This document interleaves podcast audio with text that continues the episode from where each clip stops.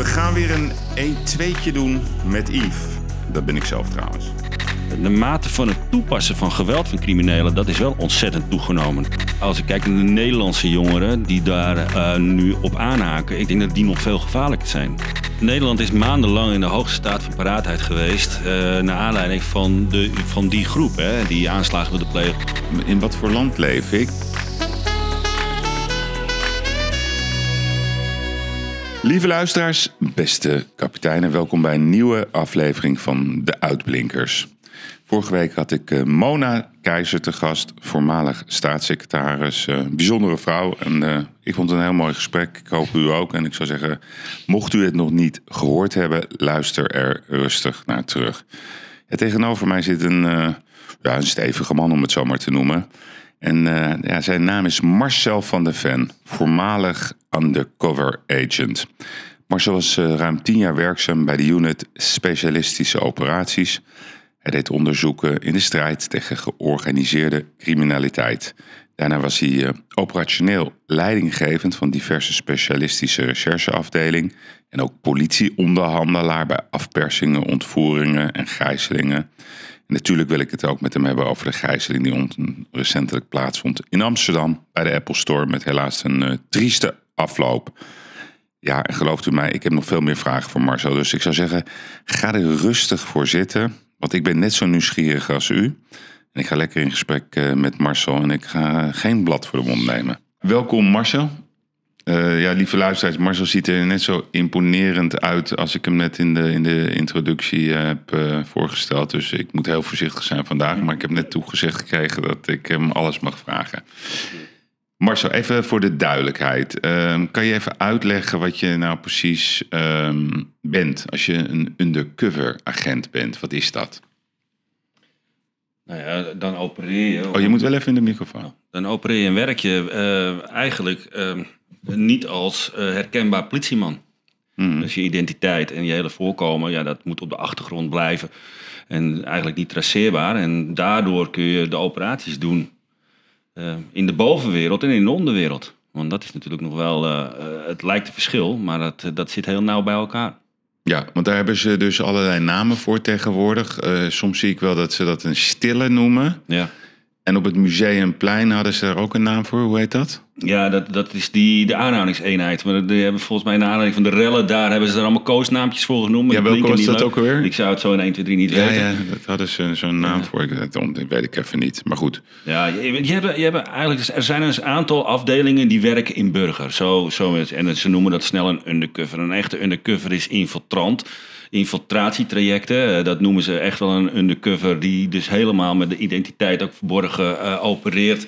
Uh, tijdens onderzoeken. Ik heb in een afdeling gewerkt waar eigenlijk hetzelfde was. Dus ook echt totaal alles wat met politie te maken had op dat moment in mijn leven, moest ik ritueel verbranden. omdat ik, ja, mijn gedrag moest anders, maar ook alles wat daaromheen zit.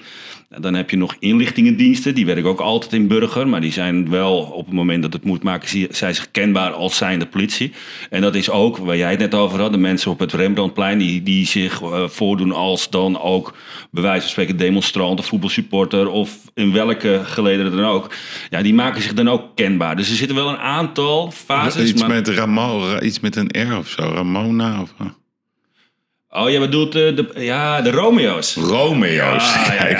Ja, ja, ja. ja nu heb ik hem... Dan even die, die microfoon goed houden. Je hebt de, de P, de, pap, de, de, Romeo's. De Romeo's. Dat is het, die bedoelde ik. Die ja. Romeo's is eigenlijk de afkorting, omdat in, een, in zo'n multidisciplinair of in zo'n groot optreden met de ME en met paarden en met honden en helikopters en alles wat je daarmee kunt verzinnen.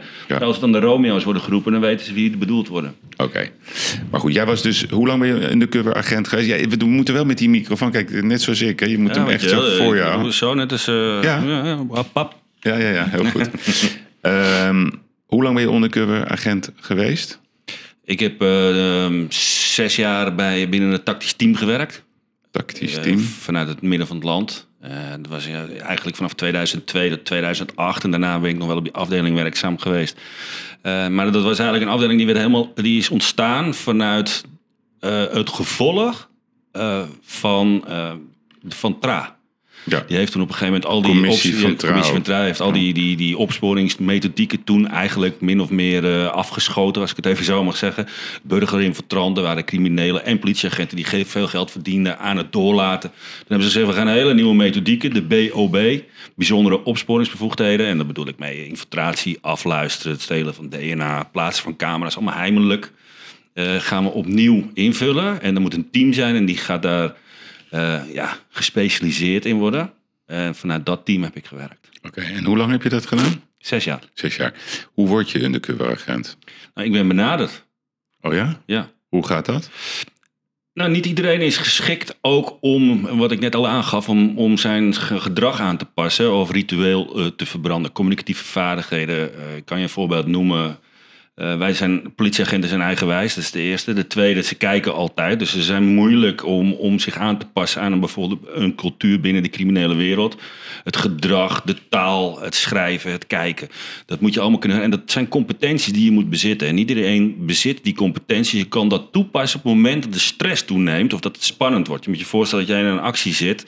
Waar je moet, kijk, ik, maak, ik, ik ging wel inbreken in criminele organisaties bij mensen, in auto's. En, en dan moest je de stress onder controle. Maar je moest ook bij je verhaal blijven. Je moest ook eigenlijk altijd datgene wat je hebt geleerd, moest je toe kunnen toepassen. Nou, daar werd je op getest. En, en kijk of je aangenomen Nee, maar wacht even.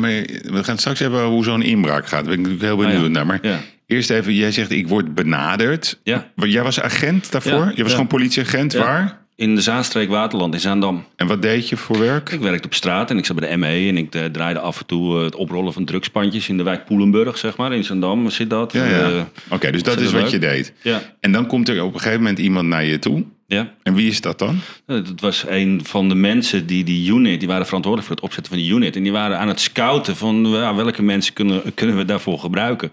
En kunnen zich bewegen in bepaalde organisaties of werelden. Ja, dus eigenlijk zoals het bijvoorbeeld bij Ajax gaat. Ja. eh, de scouts van Ajax die zien een voetballer bij FC eh, Zaanstreek. Of Ja. eh, bij, Ja. Die zegt nou, wij vinden jou wel geschikt om bij onze club te komen. Zo ben jij dan gescout van binnenuit, vanuit de politie, voor dit. Ja. Krijg je dan een belletje, loopt zo Ja. iemand... Ja, Kunnen we een kopje koffie drinken? kopje koffie drinken. Ja, en waar drink de je dan? politie, hè. Dat is natuurlijk, eh, en, waar, drink je dan die koffie? Ja, bij Van der Valk. Oh, Van Net als waar de boeven ook zitten, maar vaak. Hè. En, en, en daar, daar heb je een gesprek van, nou, we zijn En wie, bezig. en zit je dan met één man of twee man? Ik zat met twee mensen, En dan? een man en een dame. Een man en een dame. Ja, en die, die gaven aan van, nou, we gaan een nieuwe, op, eh, nieuwe afdeling opzetten eh, in het specialisme. eh, en wij denken dat jij daar geschikt voor bent. En ik zal je heel eerlijk vertellen, ik wist bij God gratie niet waar ik aan ging beginnen. En, en geven ze dan ook een visitekaartje of dat ze werkt niet zo? Nee, dat is, wij, Nee. bij de politie hebben ze geen visitekaartjes. Nee, nee, maar ze, ze stellen, eh, geven ze wel een naam dan? Ik ben Henk of, of, Ja. of achternaam ook? Ja, ja hoor. Dat ook? Ja. Ja, ja, dus dat wordt benoemd. Of je achteraf of het klopt, dat weet ik niet. Maar Nee, nee. we kregen wel een naam. Oké, en dan? Dus jij krijgt dat gesprek en eh, nou, ik neem aan dat je, daar, of dat weet ik niet, maar dan moet je zelf maar zeggen dat je denkt, oké, apart. Ja, vond ik ook heel apart. Ik, voelde me ook wel eh, vereerd. Hè. Dus ook dat je, als ik het even heel botplat mag zeggen, piktrots. Dat je denkt, ja, ik word, uitge, word gevraagd Ja. voor een hele specialistische eenheid. En ik wist ook dat het fysiek, mentaal gewoon heel zwaar kon zijn. Want dat was in dat specialisme zo. Mhm. Alleen ik wist bij godsgratie niet wat de inhoud van het werk zou gaan worden. En toen? Toen heb ik aangegeven dat ik geïnteresseerd was. Nou, toen werd ik In uit- dat gesprek of achteraf? Nee, er zijn wel twee, drie gesprekken geweest voordat ik de, de molen inging, het traject inging om, eh, om eh, geselecteerd te worden. Krijg je dan een arbeidscontract ook? Nou, ik moest ontslag nemen bij Zaanstreek Waterland en ik werd aangenomen. En dat was toen de tijd, was, dat waar- was Nederland nog verdeeld in allerlei regio's. Dus had je nog het land, Korps Landelijke Politiediensten, je had nog regio Amsterdam-Amsterdam, Zaanstreek Waterland. Dus ik nam ontslag bij het ene regio en ik kwam in dienst bij de andere. En welke regio was dat? Het Korps Landelijke Politiedienst.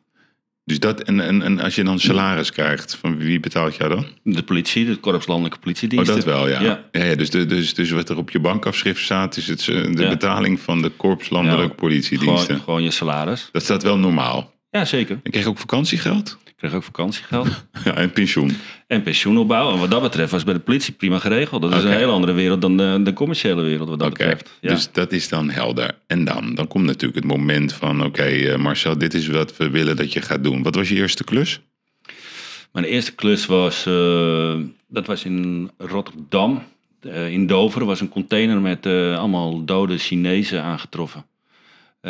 De kopstukken van die, eh, van die groepering zaten in Nederland. En eh, ja, daar draaide de Zwakri afdeling, zware criminaliteitsafdeling, draaide daar een onderzoek op.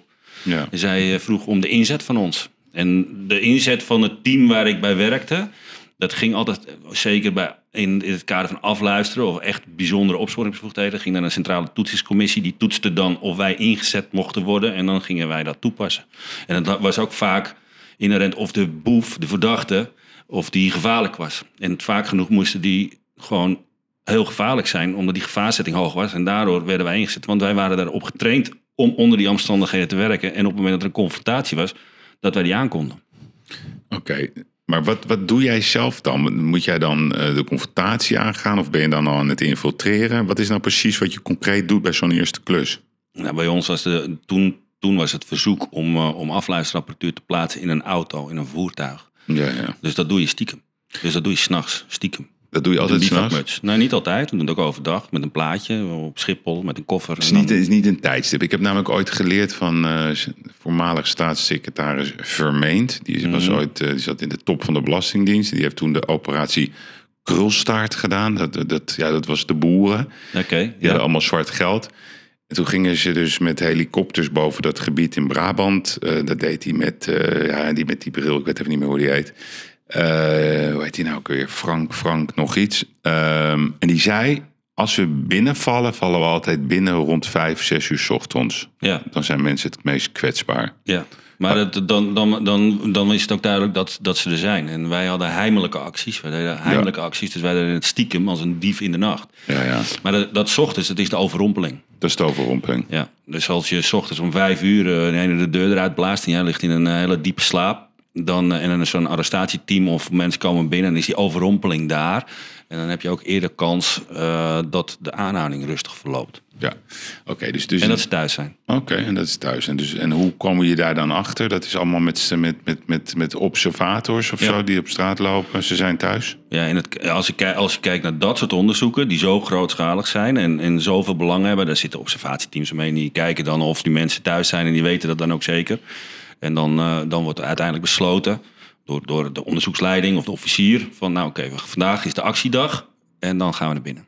Oké. Ja. En dan, dat, dat is zeg maar, dus, dus je begint eigenlijk met eh, inbraken, eh, apparatuur plaatsen, misschien meekijken. Ook aanhouding al, was dat ook al jouw taak? Nee, nee, dat was zeker niet mijn taak. Het was juist, juist zo dat, dat we moesten dat ten alle tijde zien te voorkomen. Want er, zat, zaten natuurlijk enorme belangen aan die onderzoeken. Niet alleen maar het belang van het onderzoek, eh, dat, dat dat dan zou klappen. Omdat de onderzoek waar we op werkten, nou, we hebben het echt over, nou, we hadden het over Enstra, we hebben het over de Amsterdamse liquidatiereeks, eh, de Hofstadgroep. Dat had zoveel belang. Heb jij al die, want je noemt nu even een paar best wel grote dossiers, die, daar ben je allemaal bij betrokken geweest. Ja, Dus ik hoor dat je zegt Enstra, ja. Hofstadgroep. Ja. Welke zijn er meer? Ja, nou dat, de Amsterdamse liquidatiereeksen die, die toen tussen 2002 en 2008, zeg 2010, toen kwam die nieuwe opsporingsbevoegdheid kwam binnen, die BOB, maar toen begon het ook te rommelen in de Amsterdamse onderwereld. Mhm. Eh, we hadden de liquidatie op straat, hè, we kennen ze allemaal, Cor van Hout, Sam Klepper, Mierenmet, eh, al die... eh, al die liquidaties, maar op een gegeven moment was het ook bij de Hells Angels werd het onrustig. Ja. En daarnaast werd het ook de Hofstadgroep. Terreur deed in het begin van de jaren 2000, 2003, 2004 denk ik, zijn intreden. Mhm. Eh, ja, dat was voor Nederland natuurlijk helemaal nieuw. Ja. Dus op het moment dat jij dan stuk gaat, of dat je je kenbaar maakt, of wat jij ook aangeeft van, nee, dat deden wij allemaal heimelijk. Want op het moment dat wij stuk gingen, dan ging het A ten koste van, van het onderzoek, dus de veiligheid van de mensen in Nederland. Het ging ten koste van een onderzoek wat, waar heel veel geld in zat. Mhm. Hè, want het waren kostbare onderzoeken. En het ging ten koste van onze eigen veiligheid. En dat was nogal het belangrijkste. Of de veiligheid van anderen. Ja, heb jij bijvoorbeeld ook wel eens bij, bij, de, bij zeg maar dat clubhuis van de Hells Angels, hè, dat zat daar eh, in het dat gebied daar achter de Amstel, Ja, ja. nou, in de buurt van de Bijlmer Baaiers. Heb je daar ook wel eens iets geplaatst in de nacht of Nee. in de ochtend? Nee. Dat niet? Nee. Heb heb je wel eens iets geplaatst thuis bij Holleder of in zijn auto? Nou, dat waren natuurlijk wel subjecten in de onderzoeken die voorbij kwamen. We hebben het over de zware georganiseerde misdaad. Dus ja, eh, die mensen kwamen wel voorbij. In de onderzoeken. En ook als team zijnde ja, eh, opereerden wij wel binnen dat soort onderzoeken. Maar dat, dat is ook geen geheim meer natuurlijk. Dat is Nee, ook nee, wel maar ik vind dat, dat, dat boeit mij natuurlijk. Hè. Dus bijvoorbeeld Sam, Ja. Kle- Sam Klepper, die kwam weet ik nog, die kwam altijd bij La Brochette Ja. in Buitenveldert. Eh, ja, die, die hadden ze dan gesprekjes daar in de hoek van de bar en dan werden er vragen gesteld. Plaatsen jullie dan ook apparatuur, zeg maar, bij bedrijven die in principe niks te maken hebben met dit soort criminelen, maar om ze toch daar op een of andere manier te vangen over wat ze zeggen? Dus goed, bij bij goede mensen. Gaat dat, gebeurt Ja, dat, dat kan. Eh, Als het in het kader is van informatie krijgen, dat als er bekend is dat er kopstukken ergens komen, Ja. dan zou de inzet zo gestuurd kunnen worden dat je gaat werken binnen dat soort locaties. Lexington was vroeger ook Ja, een, een ten vak Zuid was ook een, Ja. zo hadden waren er nog wel meer van dat soort cafeetjes, waar natuurlijk heel veel informatie over de bar ging. En Ja, eh, als ik het even zo mag benoemen. Ja, En- ja, en, en als je kijkt naar het belang van, van de grote onderzoeken... en het belang van, van wat er ook door veiligheid... want op een gegeven moment begonnen ze elkaar op straat ook gewoon neer te schieten. Eh, ja, dan kon er besloten worden door zo'n teamleider van... nou, ik wil dat jij gaat kijken of je in zo'n kroeg informatie naar voren kunt halen... of kunt eh, winnen. Informatieinwinning, ja. En hoe gaat dat dan? Hè? Worden er dan microfoons eh, onder de bar geplaatst? Of worden, de, worden er dingetjes geplaatst in een lamp? Waar, waar moet ik aan denken? Nou, het wordt in ieder geval geplaatst op een wijze waar, waar ja, dat de boeven niet in de gaten hebben dat de microfoons daar zitten. En dat is altijd weer afhankelijk. Want kijk, het klinkt allemaal heel simpel, maar dat is het natuurlijk niet. Want Nee. als jij in de kroeg gaat staan, dan hebben we, de, zeker in Amsterdam, hebben we de tram heb je buiten. Je hebt de muziek aan staan, je hebt de barkeeper die een liedje zingt. Je hebt eh, mensen die met elkaar praten. Dus hoe ga je dat gesprek vangen? Ja. Er zit een hele gedachtegang achter en een hele techniek zit erachter. En soms is het ook gewoon niet mogelijk om dat te doen. En dat is ook heel simpel. En dan zou je het op een andere manier moeten gaan doen. En dat is de creativiteit. En dan kom je weer op een competentie die je moet bezitten. Van hoe ga je er dan achter komen? Of hoe kom je dan in contact? Dat je informatie kunt krijgen. Kun je vijf voorbeelden noemen? Van, van, van, van, ik, kijk, ik kijk natuurlijk eh, ook naar films en ik kijk naar Undercover, de serie op Netflix. Eh, ik heb ook gekeken naar Clem en dan zie je wel eens van die dingen. Dan staat er zo'n auto Ja.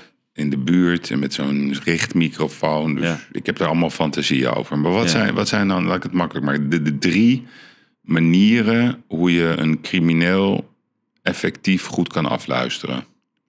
De drie meest effectieve manieren. Maar er is geen blauwdruk voor. Oké. Omdat je afhankelijk bent van de omgeving.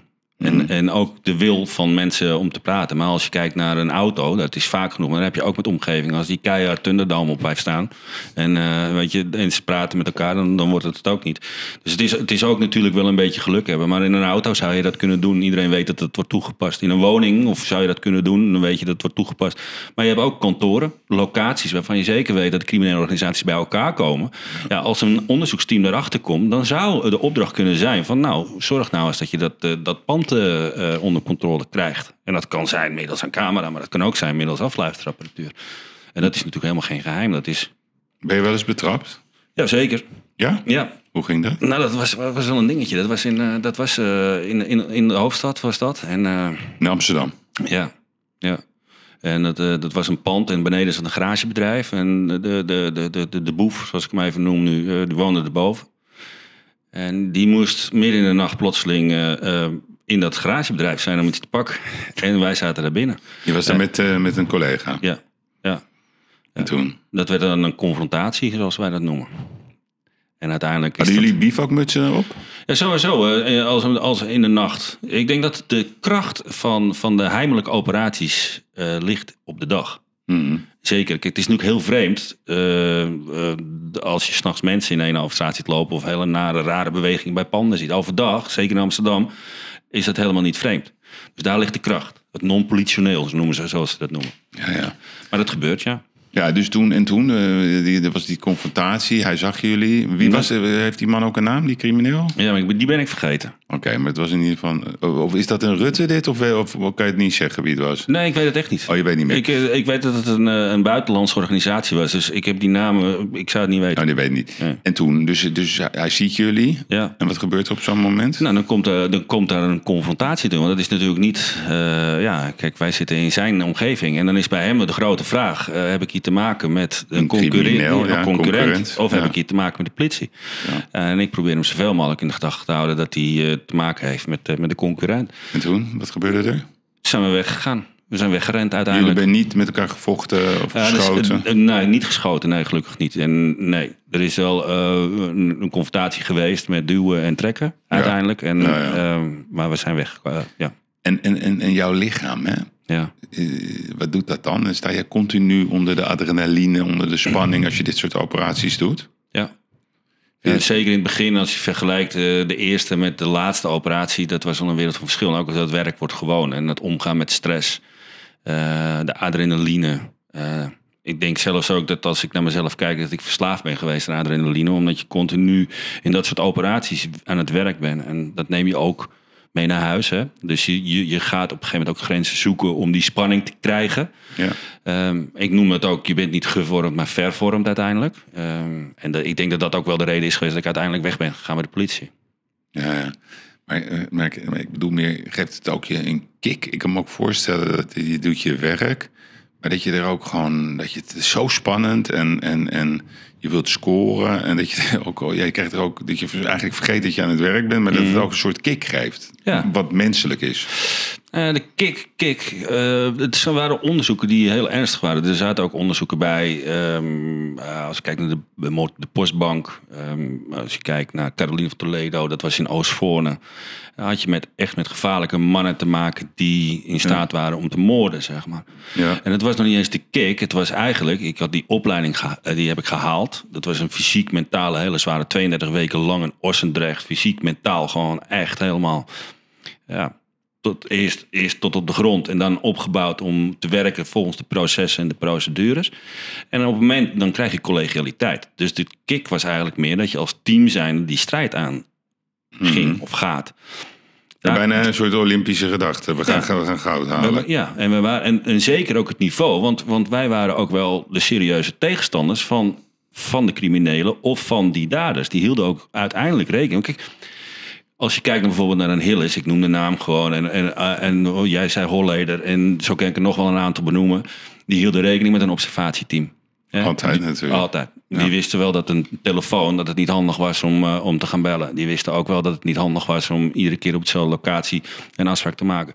Maar ze wisten natuurlijk ook dat de politie ook niet stil zit. Al denkt iedereen wel dat de politie stil zit en altijd maar achterloopt. Die blijven ook ontwikkelen. En dat zien ze dan ook op een gegeven moment als een serieuze tegenstander. beetje kat-en-muisspel. Ja, dat is het zeker. En in eerste instantie was de winst, dat de heimelijkheid en het geheim, dat was onze winst. Maar bij de eerste grote rechtszaken, dan komen de dossiers op tafel en dan is het toch van, hé, hey, waar komt die informatie nu vandaan? En dan krabben zij zich ook eens op hun achterhoofd en denken ze, hé, hey, wacht eventjes, die politie is er stom nog niet. En ik denk ook dat dat, en dat blijft maar ontwikkelen, ontwikkelen, ontwikkelen. En, en daar zat eh, voor ons de uitdaging natuurlijk in om steeds slimmer te zijn dan dat zij. Ja, maar, ja. maar, ook, maar ook altijd de veiligheid. Ja, ja.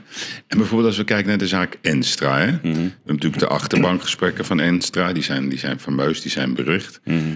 Kijk, Enstra die heeft op een gegeven moment blijkbaar het contact gezocht met de politie. Heb jij, hebben jullie ook contact met hem gehad? Heb jij contact Nee, met nee, hem nee, gehad? nee, nee, nee. Kijk, niet? Je moet zo zien dat eh, de, de organisatie is opgebouwd. Toen de tijd dat je Hollandse netwerken, dat was van de, van de nationale recherche, dat werkte toen nog. En de ene deed eh, de Turkse maffia, de ander deed mensenhandel. En zo had je ook een hele unit en die deed Hollandse netwerken. En dat was dan een onderzoek wat binnen Hollandse netwerken paste. Ik had verder niet veel betrokkenheid bij de onderzoeken, maar we waren een onderdeel van het onderzoek. En eigenlijk, dat was ook eigenlijk het embleem wat wij op onze mouw hadden. En zeker in dat soort onderzoeken moesten wij de laatste puzzelstukjes in die onderzoeken moesten wij verzamelen. Middels verzamelen van DNA, afluisteren, op wat voor creatieve wijze dan ook. En daar werden wij voor ingehuurd. Dus ik had geen contact met, met mensen die binnen dat onderzoek betrokken waren. Zeg maar. Maar wat zijn de, zeg maar, voor, de, voor de luisteraar dan de, de meest bekende onderzoeken waar jij echt actief bij betrokken was? Nou, dat zijn eigenlijk alle namen die we allemaal kennen vanuit de, Amsterdamse onderwereld. Dat, dat is in die tijd, is dat, zijn dat hele grote onderzoeken. Er draait er nu nog steeds eentje, de passageonderzoek. Ehm, dat, dat is natuurlijk al vanaf 2002, als je kijkt naar de Hofstadgroep. Eh, absoluut. De acroniem was natuurlijk ook een, een bekende zaak. Dat, eh, de, de Hells Angels en eh, alle motorrijders. Ja, dat, dat waren zaken die in die, in die jaren speelden. Wie, wie vind jij nou de slimste crimineel? Van, van, ja, een beetje een rare vraag, maar Nou, ik heb weinig contact eh, gehad met de criminelen. Maar ik heb wel altijd begrepen dat er, dat, dat er een, een, een grote boef is die wel heel slim is. En dat is Robert Minka. Die Ja. schijnt eh, eh, heel intelligent te zijn. En eh, ik kon daar verder... Ja, die zit niet- meestal in Libanon, hè? Ja, Ja. maar dat, dat is wat ik weet. Maar verder heb ik niet echt contact gehad met. Ik was, niet, ik was geen regisseur. Hè. Dat was, ik was een, Nee, maar, maar werken, de, werken de rechercheurs dus... Praten die niet dan met, met, met, met, zeg maar, met, met jullie groep? Nou ja, behalve, ja, op, op- zij delen de informatie wat voor ons van belang kan zijn. Dus gewoontes van, van, van de criminelen, maar ook wat zij kunnen vertellen. eh, eh, veiligheid, zijn ze gevaarlijk, ja of nee? ja. Eh, en de informatie in de huishouding in de politie was in die tijd ja, was best lastig. Ja. Ik je bijvoorbeeld voor, eh, wij draaiden op een gegeven moment onderzoeken eh, in Amsterdam. Het was eh Gwennet, Gwennet M. ja. Ja, en het ene politieteam zei... eh, Gwennet Marta Gwennet toch? Marta, ja. Ja. En de ene zei van, het ene politieteam zei, nou, als je die tegenkomt, loop op hem af en zeg van dat hij rustig moet doen. En de ander zei, nou, neem nou gewoon drie arrestatieteams mee, want die man is levensgevaarlijk. Dus er, zat, er zaten wel verschillen in de informatiedeling, maar dat is wat voor ons belangrijk was. En wij wilden eigenlijk, niet to know, nice to know, was voor ons eigenlijk ook, het werd alleen maar ballast en het kan voor jou ook de stress alleen maar verhogen. Ja. En wij gaan uit, we gingen uit. En ik denk dat die specialisten dat nu nog steeds doen. En dat hebben we volgens mij gisteravond ook weer gezien. Zij gaan uit van samenwerken, hun kracht en ehm, de operatie om die te doen slagen. Ja, nee, je doelt even Ja. dat, omdat we maandag uitzenden, je doelt op wat er gebeurd is eh, in Amsterdam, zeg maar, met... Oh Ja. eh, Nou ja, je hebt het laatst gezien natuurlijk met, die, op- met wat er gebeurde in Amsterdam inderdaad. Met de Apple Store. ja. Ja. Maar bijvoorbeeld die Gwyneth Martin, die is uiteindelijk doodgeschoten bij een shawarmazaak in Amstelveen. Ja. Ja, ik kwam wel eens bij toevallig, omdat ik in de buurt daar woon. Die maakt Ja. hele lekkere shawarma's. Die is op de hoek daar eh, neergeknald. Ja. Ehm, laat, eh, denk jij dat het ook soms wel eens zo is dat eh, de intelligentiediensten denken... ach, laat het maar gebeuren. Laat die criminelen elkaar maar gewoon verknallen? Nee, denk ik niet. Dat niet. Nee, zeker niet op de manier zoals het nu gaat. Op de openbare weg. Want dat was, in, dat was helemaal nieuw in Nederland. Kijk, in het verleden ehm, werden de, werden, werden, ja, vonden er ook liquidaties plaats. En dat was vaak in een hokje of in een auto. En dat was dan nog wel. Eh, maar uiteindelijk schoten, schoten ze gewoon meer op de weg met Kalashnikovs en met mitrailleurs eh, criminelen aandiggelen. Terwijl er ook de inslagen in slaapkamers zaten en in, in winkels. En dus de Nederlandse overheid kon niet tolereren dat dit plaatsvond. En dat doen ze nog steeds niet. Nee. Om even vergelijking te trekken. We hadden toen die hele wilde jaren eh 2000. Eh, nou, we hebben wat namen hier de revue laten passeren. Van Stanley Hillis. Ja. Eh, van Minka tot Holleder. Ja. Nou, je had natuurlijk Mierenmet. Die, Ja. die, die is uiteindelijk in, in Thailand eh, geliquideerd. Ja. Dan had je... eh, hoe heet die? Cor van Hout. er was nog een, een grote naam die ik volgens mij vergeet. Klaas Bruinsma, die was nog eh, Dat is daarvoor. nog daarvoor, hè? Dat Ja. is eigenlijk een beetje, ja, dat Die is klopt. eh, voor, bij het Hilton, daar bij die, bij die Ja. club Juliana neergeschoten. Dan is er nog die onopgeloste kogelregen op het pand van Quote. Ik weet niet of je dat nog weet. Ja. Inclusief het schieten op eh, de, het ap- appartement van de Quote-oprichter op de Minerva-laan. Waarom, heb jij een idee waarom dat nooit is opgelost? Wie dat was? Nee, dat zou ik echt niet weten. Dat weet je niet. Nee. Als je nou vergelijkt toen, Mhm. de, de, de Enstra's van toen, eh, die dan eh, onderdeel werd van de onderwereld. Mhm. eh, de, de Holleder die zit nu nog vast. Hebben te maken nu, in het nu, met een andere vorm van criminaliteit? Ik bedoel, iedereen heeft het nu over Taggi. Nou, Mhm. Die zit vast in de, in de EBI. Er wordt nu onderzoek naar gedaan. We zien allerlei moorden op straat. Het is best wel heftig allemaal. Als jij dat zelf, met de, de, de kennis van, van toen en van nu, en je bekijkt dat even gewoon op afstand, is het gevaarlijker geworden? Is, is het anders geworden? Is het vreder? Hoe moet ik dat zien? Ja, dat zeker. Ik denk dat de criminaliteit, dat dat niet zo heel veel eh, is veranderd. Ik bedoel, daar waar we. Het is alleen zichtbaarder geworden. Dus in het verleden, als we het hebben over Enstra en waar de, bovenwereld de onderwereld helpt. En dan is dat voor beleggen van geld. Of, eh, maar andere stromen ook. Hè. Cargo-bedrijven die mo- mo- mogelijk hopen, helpen met, met, met smokkelen of vervoeren. Dat is nu zichtbaarder geworden. Eh, de mate van het toepassen van geweld van criminelen, dat is wel ontzettend toegenomen natuurlijk. Want de, de onderwereld van toen had nog wel wat respect voor elkaar. En dan werd het af en toe nog uitgesproken. En nu is je leven niets meer waard. En ook als je kijkt naar hoe, hoe, hoe dat natuurlijk ingezet wordt. Dat jonge jongens gewoon gerecruiteerd worden.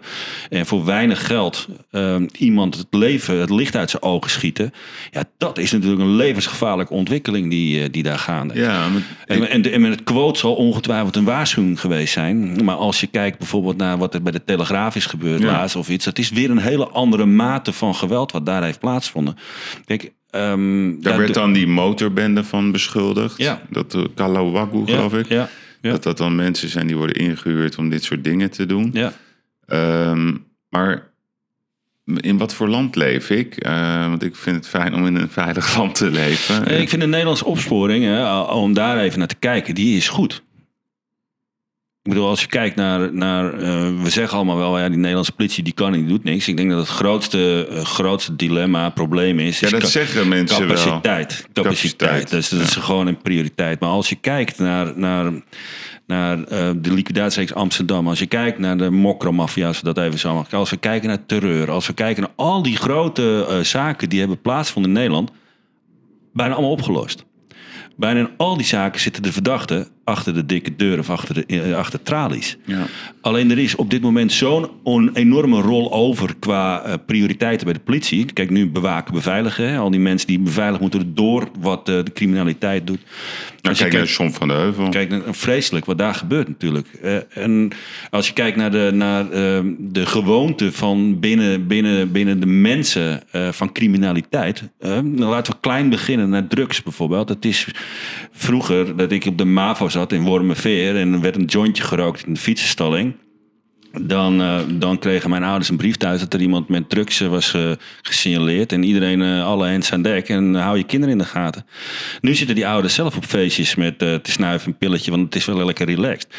Ehm, en dat groeit, dat hele criminele beeld, dat wordt steeds normaler. De jeugd is eerder en jonger betrokken bij de criminaliteit. Als je ziet, ze lopen met vuurwapens, want dat is stoer.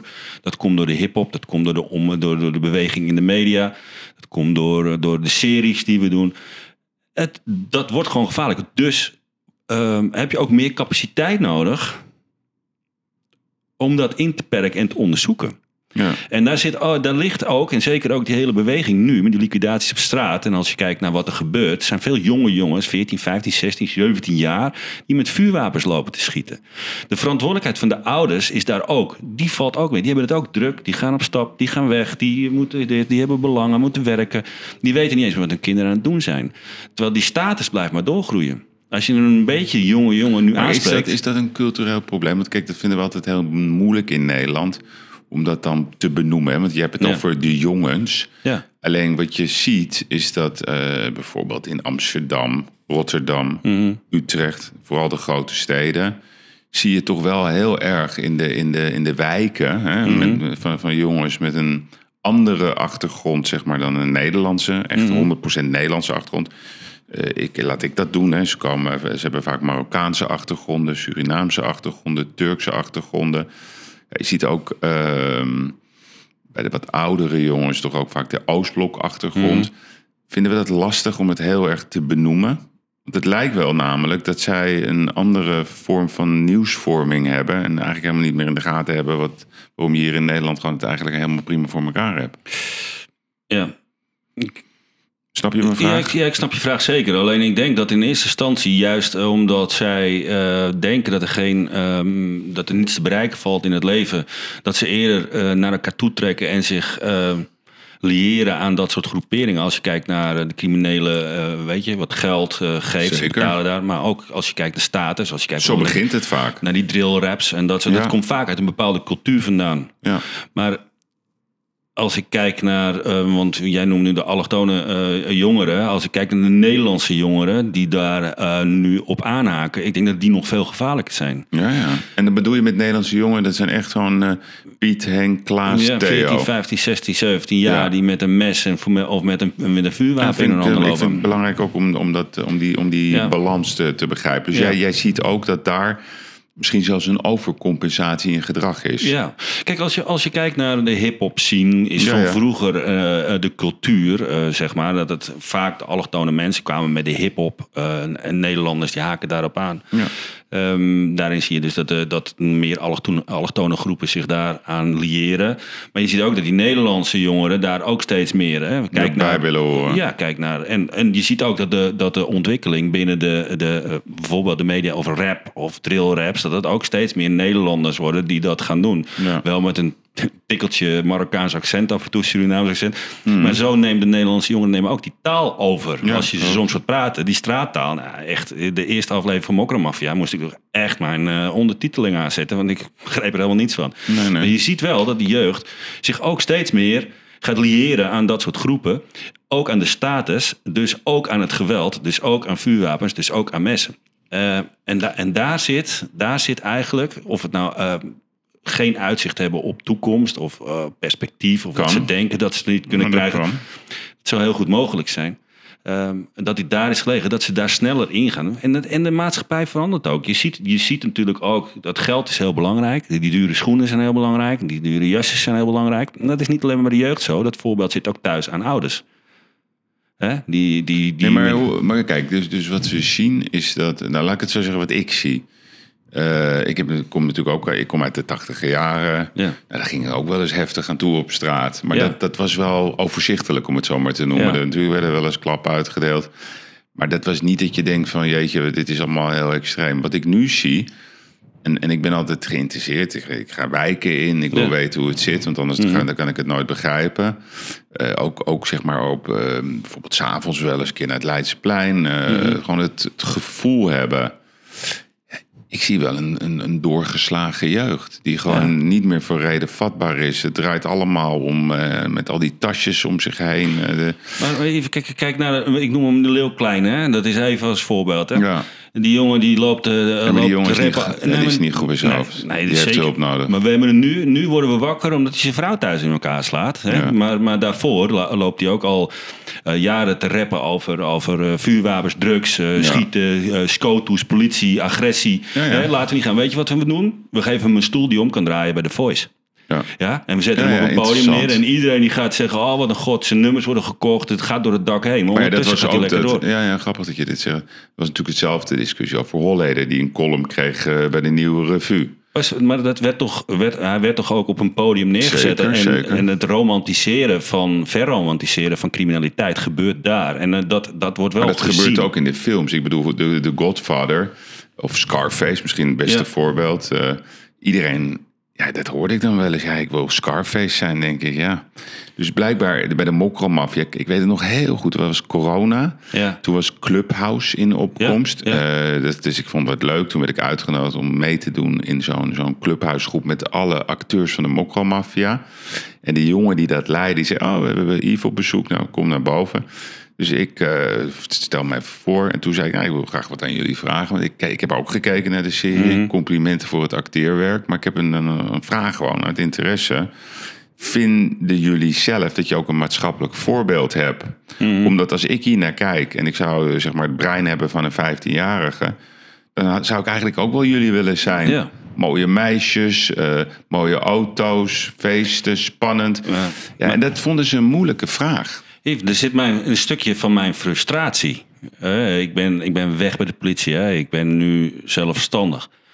Maar welke serie dan ook... hè, de boeven zijn altijd de, de koningen. Ja. Dus of je nou naar Mokramafia kijkt... maar je kunt ook naar Undercover kijken. We zijn, ik vind Frank Lammers Ja. vind het een fantastische acteur. Ja. Maar iedereen heeft sympathie voor hem. Terwijl hij schiet gewoon mensen dood. En hij eh, doet allerlei dingen. Als we kijken naar Penosa, zeggen we altijd... die vrouw, oh wat een leuke vrouw. Ze is zo lief, zo goed voor de kinderen. Maar ze knalt wel iedereen af. En wat doen we in die films en in al die series?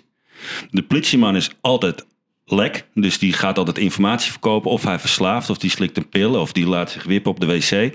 Het is altijd in een bepaald eh, daglicht zetten Nee, van de de politieman opsporing. is dat de sukkel. is altijd een sukkel. Ja, ja. En, en, en, de, en dat is Ja. wat de jeugd wel ziet. En we, Ja, we, we, we hypen dat. Hè. We zetten dat neer als de, de serie, hè, undercover. Maar, en vervolgens is Frank Nee, de plaatje... hè, de Wouten. Bij hem is ja. het de Wouten Ja. en, en in Amsterdam is het weer wat anders. Nee, maar dat, dat, ik, laat ik het zo zeggen. Ik zou, ik vind het wel heel interessant dit, eh, om hierover te praten. als ik politieman zou zijn, en dat zou ik best wel willen zijn eigenlijk, Mhm. ja, dan zou ik me ook genaaid voelen. Dan denk Ja. ik, ja, ik doe werk wat andere mensen niet willen doen. Ik word weggezet als een of ander eh, eh, ja, agressieveling, als Mhm. een verrader. Maar eigenlijk wil ik gewoon doen wat nodig is. Gewoon zorgen Ja, dat wil het- ik doen. Dat- Daar, daarom gaan ze het Daarom doen. word je politieagent. En toen moest ik, ik moet denken aan een gesprek. Ik had ook een keer gezeik met, eh, met zo'n linkse activistische groep. We hadden een beurs. Ons hele pand was beklad. De rode Rambo's op het pand. Ik denk, wat is dit allemaal? En toen had ik een, eh, een, een er was eh, de, de politieman van Zu- bureau Zuider Amstel, Rivier Amstel. Had Goed contact met die man. En op de achtergrond was een poster met de top 600. Met allemaal gezichten. Of 500, ik weet niet meer of het 5 of 600 was. Ik zei, weet je allemaal wie het is? Dus hij zei, ja, we weten precies. Ik zeg, wat, dat snap ik niet. Dus ik zeg, jullie weten wie de criminelen zijn? Hij zegt, Yves, het gaat nog verder. We pakken ze op. Hadden ze weer ergens een, een autooverval gedaan, een winkel eh, doormidden gehakt. Mhm. De dag erna staan ze hier beneden met een middelvinger naar ons. Ja, Zo snel staan ze weer op straat. ja. Maar hoe kunnen we dan... eh, ik denk dat niemand het oneens is met, met wat wij zeggen. Dat we dit helemaal heel raar vinden. Maar we staan het wel toe. Hoe, Ja. Wat is dat? Hoe kan dat überhaupt? ja, We vinden het allemaal zielig voor die slachtoffers. Kijk, laat, of voor die daders. Laat ik vooropstellen, de, politie, de politieman die gaat echt wel naar zijn werk. En eh, ik ken geen andere mensen die vol beleving en, eh, daar staan om mensen te helpen en om hun best te doen. En zeker in het specialisme waar ik uit vandaan kom, 24 uur per dag, 7 dagen in de week. Gewoon sta je paraat voor de veiligheid. Dus het kan dan uiteindelijk wel frustrerend zijn inderdaad dat dit gebeurt. Eh, dan kun je de discussie aan gaan vangen van moeten we zwaarder straffen. Ik weet niet of dat bij de jeugd de oplossing is. Ik denk dat daarin een toekomstperspectief bieden of eigenlijk kijken van hoe ga je dat nu eh, trainen of begeleiden, dat mensen dat zien, dat, dat daar meer oplossing eh, is gelegen. Bij de andere facetten, het straffen, ja, in Nederland is de criminele organisaties van het buitenland, Colombia, Mexico, Venezuela, noem maar al die grote, die grote landen, die komen naar Nederland en, eh, en dan calculeren zij ook in dat de straffen hier laag zijn. Ja. Dat is gewoon een facet wat meegenomen wordt in het risico wat ze nemen. Ze kiezen hier voor de infrastructuur. Hè. We hebben natuurlijk fantastische infrastructuur, water, lucht, eh, eh, de weg. eh, dat is prachtig. Vooral de Maar ook- havens natuurlijk. maar ook onze digitale infrastructuur is hier fantastisch voor de criminele organisaties. Ja, want je kunt hier eigenlijk alles doen wat je wil. Eh, hele grote van die centers die staan ook in Nederland. Ehm, dus zij calculeren dat in. Dat je daar eh, zwaarder moet gaan straffen. Dus dat je, die, dat je daarin een, een boodschap afgeeft van... Luister, als je dit soort grappen hier gaat doen... weet dan dat je gewoon ook je hele leven lang met een bal aan je voet zit... en dat je gewoon niet meer naar buiten komt. En daar zit natuurlijk wel. Maar wat ik ook scheef vind, en dat, eh, weet je, en dat is ook in het hele strafbeleid. Eh, sommige, en dan ga ik het over een andere boeg gooien, pedofielen, die zich vergrijpen, die krijgen soms twee, drie jaar. Mm. Maar ben jij dan bijvoorbeeld zo'n zo'n jongen, eh, die is 25. Dat is een eh, zo'n kooivechter, die is, Ja. hard- die is heel sterk. Ja, En die, die, die, die heeft gewoon voor zichzelf besloten dat hij aan pedo-hunting gaat doen. Dus die maakt dan afspraken onder een andere naam. En dan, dan vangt hij zo een, eh, zo'n gast op ergens in Hilversum bij een bos. En die, en die deelt flinke klappen uit. En die accepteert ook dat hij wordt aangehouden en dat hij straf krijgt. Maar die zegt, iemand moet het doen. Ja. Iemand moet deze gasten aanpakken. ja, Ik zou zeggen hoe ik er naar kijk. Ik heb toch wel sympathie voor die jongen. Hm. En ik ben niet tegen geweld. Dat meen ik echt. Maar ik zie het wel dat het niet wordt opgelost. En ik vind, ja, pedo's, kinderen van 12, 13, weet ik veel wat allemaal. Ja, ik, ik word er helemaal misselijk van. Maar eens hè. En, ehm, Maar ik vind het moeilijk om dan te zeggen, ja, eh, ik ben het ermee eens. Maar ik vind zo'n jongen die ook nog eens durft om, om zichzelf ook nog eens naar buiten te laten zien. Die zegt, oké, ik aanvaard de straf. Ik ben een normale jongen, ik doe gewoon mijn werk, ik ben serieus. Maar niemand doet het. Dus ik doe het maar. Ik kan, niet, ik kan niet roepen dat ik mee eens ben dat je iemand helemaal totaal loslaat. En zeker niet op het moment dat je met een afspraak maakt met iemand. En, en, en ervan uitgaat dat die man al. En weet je, ik moet niet heilig zijn. Weet je, het is zo dat als je weet dat er een vent. en die maakt afspraak met een man. die komt daar, die heeft een tas vol met vibrator en allerlei speeltjes. dan weet je wel hoe laat het is in je gevoel. Alleen dat strafbare feit is nog niet daar. Nee, dat is zeg het maar. probleem. En dan sla je dus zo'n vent helemaal totaal los. Ik denk niet dat dat de Ik oplossing oplossing hij is. hem totaal los heeft geslagen. Maar, Nou ja, in ieder geval geweld. En ik denk dat, dat Ja, je daarin niet kan zeggen eh, dat nee, maar gebeurt. soms weet natuurlijk de dader... en dat hebben we gezien bij Jos Brecht... Mm. eh, die nu veroordeeld is. Mhm. Dus ja, dan denk ik bij Jos Brecht... eh, dat is wel, het zal maar je zoon zijn, eh, Marcel. maar nee, maar leed- even serieus. jij bent imposant, ja? Het zal maar jouw zoon zijn en je weet het. Nou, ik durf... Heb je kinderen? Zeker. Hoeveel? Ja, twee. En wat zijn het? Een jongen en een meisje. En hoe oud zijn ze? 23 en 20. Ja, nou... Dus. Ik denk dat als jouw meisje, eh, durf ik maar bijna mijn handen voor in het vuur te steken, en jij weet wie dat heeft gedaan, en zij vertelt jou dat, nou, ik, ik denk dat die jongen beter weg kan wezen. Ik weet het zeker. Ja, en dan denk ik niet dat jij naar het politiebureau Nee. gaat om daar aangifte te doen en gaat uit te leggen dat het erg is. Je weet het gewoon. Ja, maar het, leed, het leed wat zo'n pedofiel aanricht, Ja. dat is niet alleen maar eh, bij het kind, maar dat is ook bij de ouders, de onmacht bij de ouders, bij de familie. Oh, dat, is, dat is gigantisch. Dat Ja. is gigantisch. Ehm, ik, snap, ik snap ook dat mensen het, daar actie op willen ondernemen. Dat begrijp ik. ja. Alleen ik begrijp ook dat de overheid dit niet kan toestaan. Dat, je, dat, eh, dat er overal ruksigloos Dat heet mensen... Catch 22. Ja, dat, dat dat gebeurt. Kijk, ik ben chef geweest bij zedenzaken in eh, Noord-Holland. Ja. Daar gebeuren dingen op zedengebied. Je kunt het gaan verzinnen, maar het gebeurt. Maar nog honderdduizend keer erger, geloof me. En als je kijkt wat voor En dat straf... zag je, je hebt ook beelden gezien altijd. Ja, ja, strafmaat en, en alles wat daar plaatsvindt, dat, dat strookt niet. Kijk, als jij eh, de mokker en ze zeggen, ja, je krijgt levenslang. Ja, hij, hij, schiet drie mensen dood, dus dat is wel duidelijk. Maar die mensen, het leed wat die mensen aanricht binnen het hele zeden eh, gebeuren, ja, dat is ook, dat is Hoe, ook hoe lang heb jij op die zedenzaak eh, gezeten? Ik heb daar eh, twee jaar gewerkt. En de welke periode was dat? Dat was eh, dat ik terugkwam vanuit specialisme, werd ik als leidinggevende werd ik, eh, geplaatst boven eh, ja, op zedenzaak. Maar welke periode? 2008, het zal 2000, 2010 geweest zijn. En heb jij ook wel eens zedenzaken gezien van Nederlandse politici?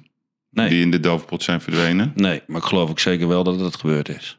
Ja? Maar ik heb daar, want Zaanstreek was te klein daarvoor. Nee, dus, maar er eh, waren natuurlijk heel vaak... Er zijn altijd heel veel geruchten, laat ik het zo maar zeggen, daarover Je geweest. hebt het over Demming bijvoorbeeld. Hè? Ja. Want dat, ik denk dat je daarop doelt. Ja, geloof ik, binnen geloof ik direct. justitie. Ja, geloof ik direct. Ik geloof direct. Echt? Ja.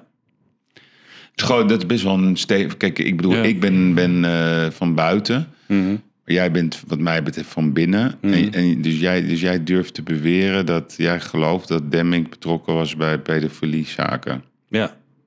Nou, dus, Het is een boute uitspraak. Maar ik, maar, maar ik moet wel één ding toelichten. Dit Mhm. heb ik niet uit politieonderzoek of vanuit politie eh, oogpunt. Het is iets wat ik persoonlijk denk.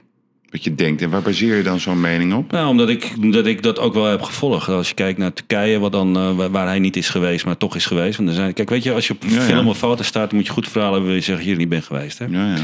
Dus, dus eh, ik denk dat daar best wel eh, informatie is, of stromen zijn, dat je zegt, daar weet je, wat je eigenlijk op je klompen kan aanvoelen dat dit klopt. Is Demming de dans ontsprongen? Als, je kijkt, als we kijken naar, naar het hele totaalplaatje. Ik ben even, want het is natuurlijk het ligt gelieerd ook aan, de, aan de, de Turkse verdachte. Ik ben even zijn naam kwijt. Die nu, nu nog vast zit. Hè? Ja, Bas, Bas eh, hoe heet Ba- hij? Baybassin. Barbasin, ja. Ja. Ja, dat is natuurlijk wel iets wat daar, wat daar speelt. Of heeft gespeeld. Ja, dat is natuurlijk wel vreemd. En nogmaals, ik doe een boute uitspraak dat ik heel vol overtuigend ja zeg. Maar als ik Ja. kijk eh, met mijn gevoel en mijn ervaring. En ik hoor wat daar allemaal heeft gespeeld. Ja, dan, heb ik wel zeer zwaar mijn, vra- mijn vraagtekens. Ja. Ja. En, en als wij kijken naar Nederland, hè, ehm, we hebben in Nederland de macht die zit bij de, bij de politiek, de macht zit bij de topambtenaren, er, is natuurlijk macht bij justitie, de controlerende, wetgevende macht, macht bij het Koninklijk Huis. Moet ik me zorgen maken als eh, burger, als vader, als ondernemer, dat, dat eh, in Nederland eh, er bepaalde machten zijn die een eigen agenda hebben? Ehm. En nu kom je op een persoonlijk eh, stuk bij mij. Dus waar, ik, waar mijn interesse ligt. Dus niet vanuit het oogpunt wat ik vanuit ervaring of vanuit, eh, eh, vanuit de politie heb meegekregen. Dus vanuit onderzoeken daar, die ik daar heb gedraaid. Dus maar als ik kijk naar, naar eh, als je kijkt naar sommige samenwerkingsvormen of mensen en relaties die dat hebben met elkaar in, in, in zaken doen of eh, zeggenschap, denk ik dat sommige eh, groepen die, die behoorlijke posities bekleden bij multinationals soms meer macht hebben dan ons koninklijk huis. Hm. Denk ik. Oké, dat denk je. Oké, nee, maar dat klinkt wel heel, heel Ja. vaag natuurlijk Ja. hè, voor, voor de luisteraar. Eh, maar bedoel je dan dat de baas van de Rabobank meer macht heeft dan de baas van, eh, van Nederland of de baas van de Nederlandse bank of de baas Misschien van als, Shell? hij, misschien als hij samenwerkt met de baas van Shell en, eh, Ja. en, dat die er ook bij zit. Oké, maar nu zijn we dan een beetje aan het, aan het brainstormen. Dus ik, ik hou me graag bij de, bij de, feiten. ja, maar, ja, jij, maar ik kan dat vanuit mijn ik kan dat niet, niet bevestigen vanuit het onderzoek. Nee, nee, oké. Nee, maar dan, kan ik, dan, dan, dan, dan, dan, dan moeten we dat bij de brainstorm houden. Ja. Vind jij dat Nederland een crimineel walhalla is voor buitenlandse criminelen? Ehm, Want je gaf net een schets hè, Ja. van we hebben een fantastische infrastructuur, we hebben Ja. geweldig internet, eh, we hebben havens, we hebben logistiek. Ja. Nederland is natuurlijk wel eh, aan Walhalla, ja. Ja, die, je hebt hier wel heel veel, je, je hebt veel ruimte om op crimineel gebied te ondernemen. Ja, maar is Nederland dan het perfecte eh, adres voor een criminele organisatie om hier in stilte te opereren? Ja, al moet ik zeggen dat eh, de laatste tijd dat er natuurlijk enorme slagen worden eh toegediend aan die criminele organisaties door, door die ontwikkeling die bij de politie gaande is. En je ziet dus, kijk, er zit, er, het is niet alleen maar de, de, de criminele organisaties die zich ontwikkelen, maar je ziet ook dat het tijdperk van, van, van criminaliteit verplaatst zich ook naar het internet. Zeker. Nou, daar is Nederland wel weer heel goed in. Ja, ja. Dus daarin Horen je- wij bij de betere partijen, zeg maar, eh, want Nederland die bood gelijk aan, eh, om even in het heden te praten, aan de Oekraïners cybersecurity hulp aan. Zijn Zitten- wij goed? Ja, er zitten heel goede bedrijven tussen en ook een Nederlands gebied. Ja, ja, ja, ja. Ja, want bijvoorbeeld eh, dan zie je dat nu de Anonymous heeft aangekondigd om, om, om zeg maar een aanval te doen op, het, op de Russische systemen. Mhm. Dat noemen ze dan hackers. Waar, zijn wij toe in staat als Nederland? Hoe goed zijn wij zeg maar, om systemen plat te leggen? Nou, dat, de, de, ja, daar kan ik geen antwoord op geven. Omdat digitaal, ik ben al blij dat ik mijn telefoon aan krijg. Maar ik, werk, ik werk wel samen met, met mensen binnen mijn bedrijf. Ik sta iedere keer weer versteld van wat zij kunnen en op wat, welke afstand ook. Ik heb een keer een onderzoek gedraaid op een, op een, op een stalkingskantoor. Daar kun je dus een kantoor inschakelen. En dat was toevallig uiteindelijk bleek dat in Rusland te zitten. En die gingen je dan de hele dag stalken. Dat kost je 100 euro in de maand. En dan werd je echt... eh, Kapot en- gestalkt. Ja, en, en echt heel heftig. En wa- wat ik daarmee eh, eigenlijk... Wat is dat dan? Word je de hele dag gebeld of zo? Of krijg je eh, sms? Of... Nou, dat waren echt eh, eh, via allerlei kanalen. Dus via e-mail, via... En dat waren dan ook nog wel bekende Nederlanders. Dus die ook de social media en dat soort wegen heel erg nodig hebben voor, hun, voor hunzelf. Maar dan heb ik een, een man, we zitten nu in Assendelft, hebben wij eh, iemand daar achter een bureau zitten die het oplost wat er in Rusland plaatsvindt. Nou, ik vind dat wel eh, bijzonder. Ja, ja. Want bijvoorbeeld, hè, ehm, als je kijkt naar eh, afgelopen woensdag was het volgens mij. Zeg ik dat goed? Of don- wanneer was die, die, die, die gijzeling eh, op Leidsplein? Woensdag. Volgens mij wel, ja. Ja. Goed, ja. Kan je even duiden voor mij hoe dat dan werkt in de praktijk? Dus, die, de, er is opeens voor duidelijk dat er een, een gijzeling plaatsvindt Mhm. bij de Apple Store op het Leidseplein. Ja, En nou, ik weet niet hoe lang het geduurd heeft, maar vrij Ja, snel. paar uur. Nee, maar, nee, maar ik bedoel nee, vanuit de politie dan. Hè? Ja. Binnen no time is dat hele gebied omcirkeld. eh, special eenheden. eh, Mhm. Gewoon zichtbare politieagenten. Hoe werkt dat? Kun je me dat eens uitleggen? ja, zeker. Wordt, komt- Drukt iemand op een knop of zo? Ik, ik, Nou ja, dat, ik denk dat dat is gebeurd. De overvalknop bij Apple waarschijnlijk. Eh, er, is, er, er komt een melding binnen bij de politie dat er iets gaande is en is de dat dan Store. politie Amsterdam of is dat iets Dat landelijks? is politie Amsterdam.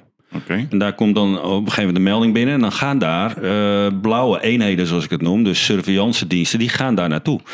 En de informatie is dan ook, weet je, die komen naar de plaats. Dat ze eigenlijk vrij snel onder vuur genomen worden door die, door die verdachte. Dus die dader die opent het vuur op die politie. Nou, dan is, eh, dan is natuurlijk al duidelijk dat, dat, dat daar een enorme gevaarzetting aanwezig is. Als dan blijkt dat dat uiteindelijk ook een gijzeling is, eh, en dat komt door beelden en informatie wat daar eh, komt, dan is er één prioriteit voor de politie en dat is veiligheid. En de veiligheid, dat is voor de mensen op straat, veiligheid voor de mensen in de panden o- die eromheen zitten, maar ook veiligheid voor de mensen die in het pand zitten. Dat is hun zorg. Ja, dan op het moment dat zij dus zo'n gebied dan afzetten, dat er geen mensen meer voorbij kunnen lopen en weten dat, nou in dit, want volgens mij de Bali heet dat, het café wat ernaast zit, daar zitten zoveel mensen, hadden ze vrij snel in de gaten ja, blijven de binnen. Bali, ja. Dus ze nemen allerlei maatregelen. Palladium aan de overkant. Ja. eh, Inderdaad. Nou, dus het hotel, noem maar op. zij zetten dat af in een ruime cirkel, een veilig gebied creëren ze dan. En dan eh, blijkt uiteindelijk, hebben ze dan dat Apple eh, winkel, kantoor. Daar ja, moeten ze dan ook een kantoorgebouw, het Hiersgebouw. En daar moet ook- informatie, dus beeldvorming is dan heel belangrijk. Nou, dan gaan ze daarin op investeren.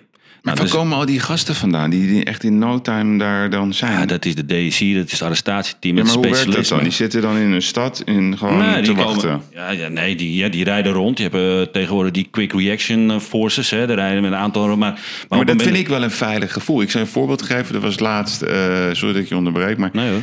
Ik, ik, ik, ik weet niet, er was iets aan de... Oh ja, er was een overval eh, in een winkel in de Utrechtse straat. Mhm. En wij moesten toevallig, hadden we een, een lunch met allemaal vrienden. Dus wij moesten naar die Utrechtse straat. Maar ja, de hele stad was weer van alle kanten afgezet. Helikopter. Ja, druk. En opeens zie ik een, een auto naast mij. Een soort busje. Mhm. En er gaat opeens een blauw lichtje. Met natuurlijk eh, geblindeerde ramen. Ja, dat zijn, zijn dat dan dat soort eenheden? Ja, Dus ja. die cirkelen eigenlijk in de, Ja. in de grote steden. En als er iets gebeurt, hebben we toen ook gezien in Utrecht. Met die tram. Weet je, met die tram, ja. Ja. Dat vind ik wel een fijn gevoel. Het is ook, en daar zijn ze ook heel goed in. Wil je Kijk- trouwens een koekje? Nee hoor, dankjewel. Eh, kijk, kijk naar, eh, naar Peter R. de Vries, hè? de liquidatie Peter R. de Vries. Ja. Natuurlijk ook binnen no time hebben ze die dader, eh, daders achterhaald en aangehouden. Ja. Nederland is daar heel vrij, die is daar gewoon goed. Die heeft die protocollen, procedures gewoon heel goed geregeld. Hmm. Ze drukken op de knop en die eenheden worden geactiveerd. Dus je moet het sowieso om terug te komen op dat Leidseplein. Die blauwe dienst zet dan zijn omgeving af. En dan komen de specialistische eenheden. Ja. Ja, er komen onderhandelaars komen te plaatsen. Of tenminste, die gaan werken. Je hebt de DSI. Je hebt, eh, de, de, ze, hebben op een gegeven moment informatie dat hij met explosief op zijn bars loopt. Ja. Dus dan komt ook de EOD van Defensie komt te plaatsen. En dan gaan ze kijken, ja, hoe gaan we dit nu goed oplossen? Want ze, want ze kregen veel lof, eh, de Nederlandse politie of de Amsterdamse politie in Amerika. Het is Ja. eh, de hele wereld overgaan. Een grote lof voor de aanpak, de snelheid, de oplossing ook. Ja. Zelfs niet eens schieten, Nee. aanrijden. Ja, helaas eh, overleden. Andere mensen zeggen dan helemaal niet erg. Nou, daar doe ik geen uitspraken over. Mhm.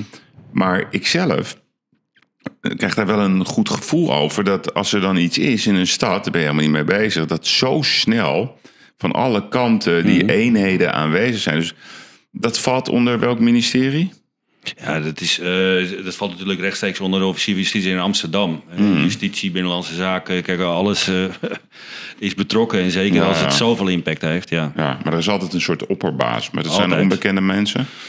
Ja, in deze kwam de driehoek eh, bij elkaar. Hè? Dus Ja. eh, politie, justitie en, eh, en de burgemeester. En die, die gaan dan ook op dat moment wel over de veiligheid van de stad. Ja, de burgemeester was op vakantie, hè? Nou, de plaatsvervanger die Ja, kwam. Ja. Maar die gaan wel over de veiligheid. Kijk, want er- kunnen daar natuurlijk allerlei scenario's gaan plaatsvinden. Ja, ja. Hè, En daar hebben ze natuurlijk rekening mee gehouden. Dus ze zijn continu bezig met die beelden. Kijk, wat natuurlijk knap was, is dat ze vrij vlot een beeld hadden wat daar binnen plaatsvond. En ook dat er nog mensen binnen zaten. En dat was hun grootste zorg. Ja, ja, ja, begrijp Maar dan zit er wel altijd een what-if zit erbij. Dus wat gebeurt er als hij dat gaat doen? Wat gebeurt er als Ja, hij dat... ja. Daar zit ongetwijfeld ook het scenario in. Wat gebeurt er op het moment dat die gaat lopen? Dan heb je een vent die door de stad loopt. De verdachte met explosieven op zijn lichaam en vuurwapens.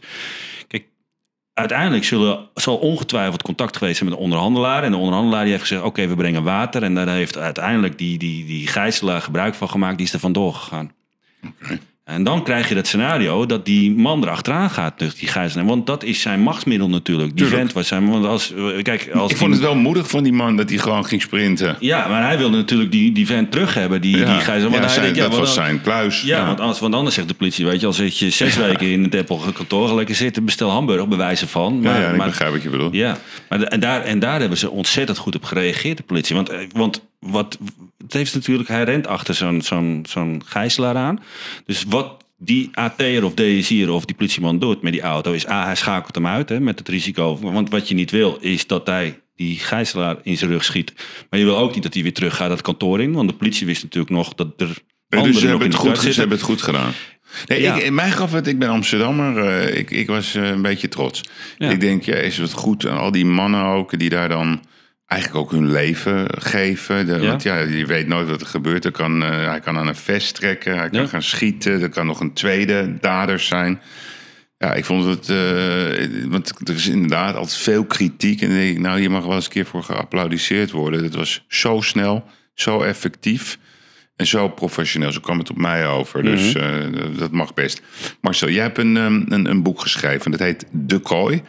Een undercover eh, agent over het beste bewaarde geheim van de Nederlandse politie. Wat is het best bewaarde geheim dan? Nou, dat ontstaan van die eenheid was eigenlijk het grote geheim, ook binnen de politie. Oké. Dus wij werden ingezet eh, door, de, door de, de Nationale Recherche. En eigenlijk wist eigenlijk niemand wat wij gingen doen. Want de politie was eigenlijk ook onze tegenstander. Want als die wisten waar wij aan het werk waren... ehm, dan kwamen zij natuurlijk ook kijken van wat zijn die allemaal aan het doen. Want die zijn heel nieuwsgierig. Dus het geheim was eigenlijk dat die ontwikkeling van die afdeling... en die nieuwe methodieken die moesten worden toegepast... dat dat plaatsvond. En ehm, ja, dat was een geheim. En Ja. dat heeft jarenlang zo... En hoe groot was die afdeling?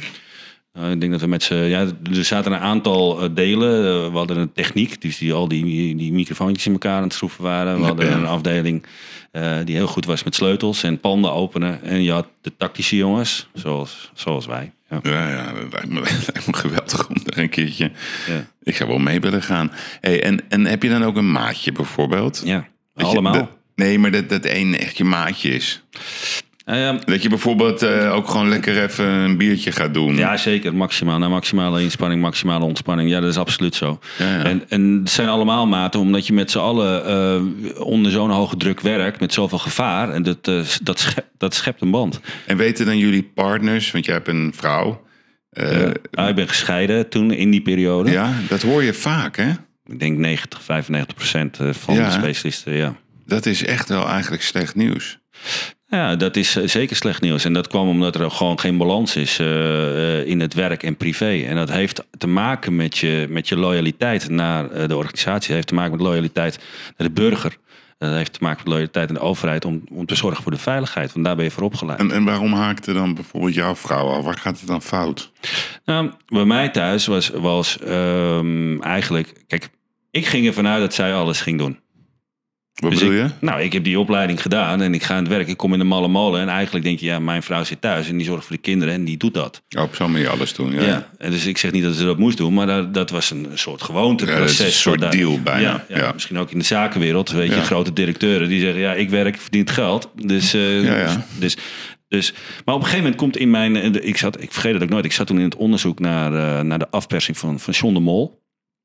Ehm, Ja, dat was ook een spannende. ja, dat was met faxen en alles. En ook Wie die- was dat ook alweer? ja, dat was uiteindelijk en was dat een eh, verdachte uit het oosten van het land. Hm. En die, eh, volgens mij is hij nu vrij, is hij ontsnapt. Oh. Eh, toen de tijd. Maar dat was een, een enorme zaak, was dat. En er gebeurde wat in mijn gezinssituatie qua gezondheid van een van de kinderen. En dat was best, was best pittig. Ja. Alleen ik zat ook in het onderzoek. Dus, dus eh, mijn vrouw moest dat probleem, ging ze toen de tijd ook oplossen, mijn ex. En eh, toen groeiden we uit elkaar. Zij ging naar de familie, ik zat in het werk. En uiteindelijk was dat reddeloos. En eh, Ja, dat is echt wel ingewikkeld. Want kijk, eh, ik probeer me dan te verplaatsen in, in de rechercheur of de tacticus of welke. Want in principe ben je natuurlijk zeven dagen, 24 uur Ja. per dag. Moet je aanstaan, want er kan Ja. altijd iets gebeuren. Altijd. En zeker ook eh, door de bezetting. Want wat ze niet deden was eh, de bezetting ophogen. Zeg maar, de, de capaciteit. Met mensen die niet capabel waren om het werk te doen. ja, ja. Dus anders het is bijna een offer, hè? Ja, dat, dat is het ook. En ehm, wat nam ze jou kwalijk? Vond ze dan dat je op dat moment had eh, moeten kiezen voor het gezin? Nou, het mooie is dat ze mij volgens mij helemaal niets kwalijk heeft genomen. Alleen onze relatie stopte daardoor. En dat neem ik mezelf kwalijk. Dat ik daar nooit de balans heb gezocht en heb gekozen voor die hoek. Heb je nog Ik- wel contact Heel met haar? goed. Ik vier kerst, alle verjaardagen gaan uit eten. Heb je een nieuwe relatie inmiddels? Ja. ja. Oké. Ook samen gaan die eh, wijntjes drinken. Dus, Dus dus- jullie zijn goed, gelukkig. Zeker, Dat, is, ja. dat is mooi. Maar ik snap het wel. Het is, want ik hoor dat heel vaak. eh, ja, dat, dat toch de relatie dan eh, fout gaat. Ja, moeilijk hè. Jeetje, wat was nou ehm, van, van het boek wat je hebt geschreven? hè? Ik, ik heb het niet gelezen, ik zei het vooraf, hè, bewust. Ik ga het wel lezen uiteraard. Wat vind jij nou zelf eh, de meest eh, sensatie... ja, een beetje, dan zit ik een beetje al het woord al eruit te kiezen. Wat vind je de spannendste casus die jij in jouw leven hebt meegemaakt als undercover agent? Nou, wat ik, wat ik een ontzettende angstige ontwikkeling vond, was terreur. Mhm, De Hofstadgroep. Ja, Zeker nadat uh, Amerika natuurlijk, uh, de aanslag. Mm. Merk je dus dat langzaam terreur ook Nederland binnen druppelde. Uh, de, een van de eerste onderzoeken uh, vonden plaats in Utrecht. En dan krijg je dus informatie dat je met mensen te maken krijgt met een hele andere overtuiging en een, en een doel om dat soort activiteiten te ontplooien. Er zat ook een Nederlandse jongen bij, hè? Die, die... Dat is later in de Hofstadgroep, zeker. Ja. ja dan, de, ja maar Joram van Klaveren, volgens mij heette die. Ik even niet meer. Ik moet oppassen wat ik nu zeg, want ja. misschien maak ik een enorme fout. In ieder geval, de, de hoofdstadgroep was natuurlijk. En, en, en toen kwam die ontwikkeling, uh, uh, vond plaats binnen, binnen Nederland. Ja, en je wist ook dat dat. Je, je wist ook dat ze met vuurwerk. Kijk, we hebben natuurlijk een voorbeeld hè, bij uh, Amsterdam. Dat, dat er drie werden aangehouden met automatische vuurwapens. Ze wisten ja. waar toen Theo van Gogh. Ja. De, de, het laakkwartier in Den Haag, hè, waar een handgranaat naar beneden wordt gegooid, ja. waar een arrestatieteam wordt opgeblazen. Ja, dat vond ik nou absoluut geen sensatie, maar dat vond ik wel. Oh, sorry, Jason W. Dat was het. Ja, Walters, ja. Oh ja, weet je. Ja. Jason Walters, ja. ja okay. Twee broertjes waren Excuus, de andere naam die ik net noemde. Ja, broertjes, ja. ja. En die, die ontwikkeling vond ik heel angstig. Angstig, ja. Alleen wij waren wel van 24 per dag, 7 dagen kon je ons bellen, want we wisten wel dat we daarin ja, dat is duidelijk in het vizier. Ja. En, en, en hoe heb jij dan gekeken naar uh, de recente ontwikkelingen in Nederland over die politicus die uh, verbonden is aan, uh, aan de VVD? Mm. die dan werd ja, door Bolkestein eigenlijk op het paard gezet. Mm. En die een verleden had bij de Hofstadgroep. Mm. Weet je wie ik bedoel? Ja, zeker. Want hoe heet de dame? Ja, de dame, de naam die, maar ik weet wat je bedoelt. Ja, hoe kijk je daar naar? Want die zit dan in de Kamer. Uh, Geert Wilders die doet daar uitspraken over. Op zijn manier dan. En dat is dan Wilderiaans. De dame is inmiddels toch op de een of andere manier uh, een andere kant op gegaan. Is dit dan iemand die mag een tweede kans uh, verdienen? Of, of, is dat iets waar je zegt van ja, dat, dat, dat kan niet gezien wat de informatie die ik daar toen over binnen heb gekregen? het gaat niet om de informatie, het gaat om feiten en om omstandigheden. En volgens mij is zij toen ook aangehouden. Ja, ze is ook veroordeeld. Ja. Ja. Mag zo iemand in de politiek zitten? Uh, wat vind jij? Mag ik het vragen? Wat ik vind? Uh, ik, ik, ik vind het heel moeilijk. Uh, mijn eerste reactie zijn natuurlijk niet. Dat is meteen mijn eerste reactie. Maar ik moet dan wel het echte dossier weten. Hè? Mm. Dus ik weet niet wat is haar rol geweest. Wat heeft ze gedaan? Hoe actief was ze? Wou ze echt een aanslag plegen in Nederland? Mm. Ja, dat vind ik dan wel. Dan denk ik, weet je, beperk je dan tot uh, je verhaal vertellen en eventueel uh, jongeren te deradicaliseren. Mm -hmm. Daar kan ik me dan nog wat bij voorstellen. Dat zie je wel mm -hmm. vaker, hè, dat criminelen opeens tot inzicht komen van dit moet ik niet meer doen. Gaan dan de straat op, die worden coach. Dat zie je ook mm. wel eens in bepaalde wijken. Goed hè, is dat hè? Want de naam die je net noemde, en ik weet niet of je de juiste naam noemde, uh, van die twee broers, maar eentje die doet dat dan nu ook. Hè? Ja. Die, die, die ja, dat, dat is mooi, dat begrijp ik. Ja. Ik snap ook soms dat mensen, het is soms heel moeilijk om iets te snappen als je het zelf mm. niet bent. Hè? Dat iemand in de criminaliteit terechtkomt, wat dan ook. Dat kan gebeuren. Nou, we praten hier niet echt nee, alleen nee. maar over criminaliteit. We praten nee, hier over hier terreur. Over een ja, terreuraanslag. Dus als jij me dat zo vraagt, ik, ja. mijn eerste reactie, natuurlijk kan dat niet. Maar ik zou het dossier willen nee, inlezen om het te begrijpen. Wat we voor Nederland is maandenlang in de hoogste staat van paraatheid geweest. Ja, ja. Uh, naar aanleiding van, de, van die groep, hè, die aanslagen wilde plegen. En, en wat wilden ze doen? Ja, nou, ja, zij wilden ook een aanslag plegen. En, en daar was natuurlijk Hirsi Ali, Wilders. Dat waren allemaal Ja, ja. mensen die op die lijstje stonden. Ja. Um, ja, ook de, de veiligheid en tegen de Nederlandse staat ook. Hè? Want die, eh, en dan vervolgens, dan een paar jaar later zeggen... ja, oké, ik vind het goed. Zet hem nu maar naast meneer Wilders in die Tweede Kamer... en we gaan nu samen zaken doen.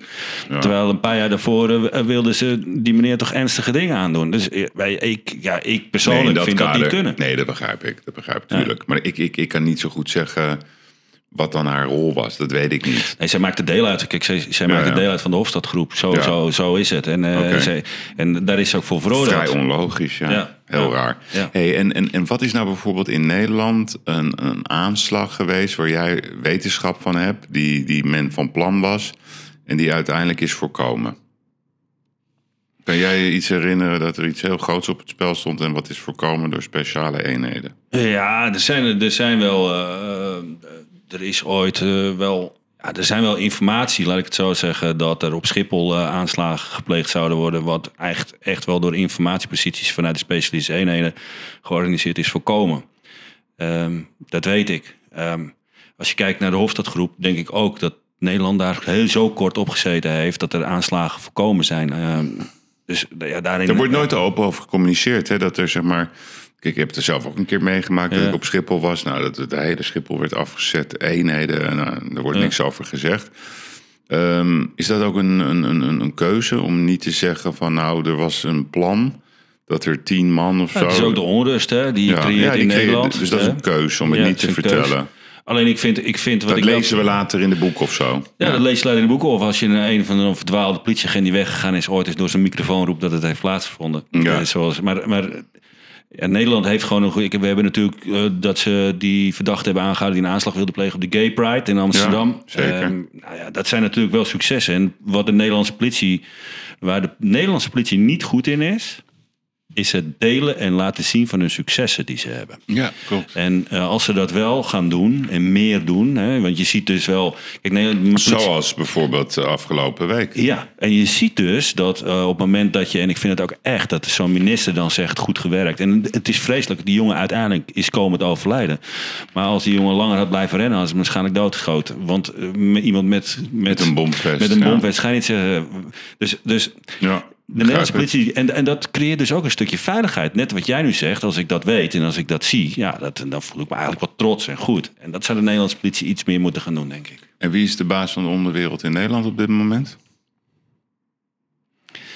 Weet je wat het eh, vroeger had je hele grote, toen in de jaren 2000, 2010 had je allemaal dezelfde kopstukken. En tegenwoordig, door die goede infrastructuur, houden meerdere groeperingen zich bezig met die criminele activiteiten. En ook ik verbaas me iedere keer weer dat er weer een nieuw kopstuk op staat met zo'n enorm netwerk en zo'n enorme eh, slagkracht op, op basis van geweld. Kijk bijvoorbeeld naar die martelcontainers. Kijk, die hadden we misschien Dat verwacht bij Piet Costa. Ja, maar die hadden we misschien verwacht in Amsterdam bij, eh, bij de grote jongens of bij eh, alle bekenden. En dat kwam zo in een uit Brabant vandaan. Dus ik denk dat de grote kopstukken. Hè, dat dat. Maar wie zijn het? Wie zijn, wie, wie, wie, wie zijn de grote, grote spelers op dit moment in de Nederlandse onderwereld? ik du- durf echt geen namen te noemen op dit moment. Nee. Ik, Is dat als- gevaarlijk ook? Het is niet gevaarlijk. Ik, ik, ik denk zelfs nog dat. eh, kijk, als Nederland is helemaal eh, aan, het, eh, aan het focussen, fixeren op ondermijning. Ehm, en ondermijning is waar de onderwereld de bovenwereld raakt, de bovenwereld de onderwereld. Hè, waar, waar ze met elkaar samenwerken. Dus ja, zeg het maar. Criminaliteit blijft altijd bestaan.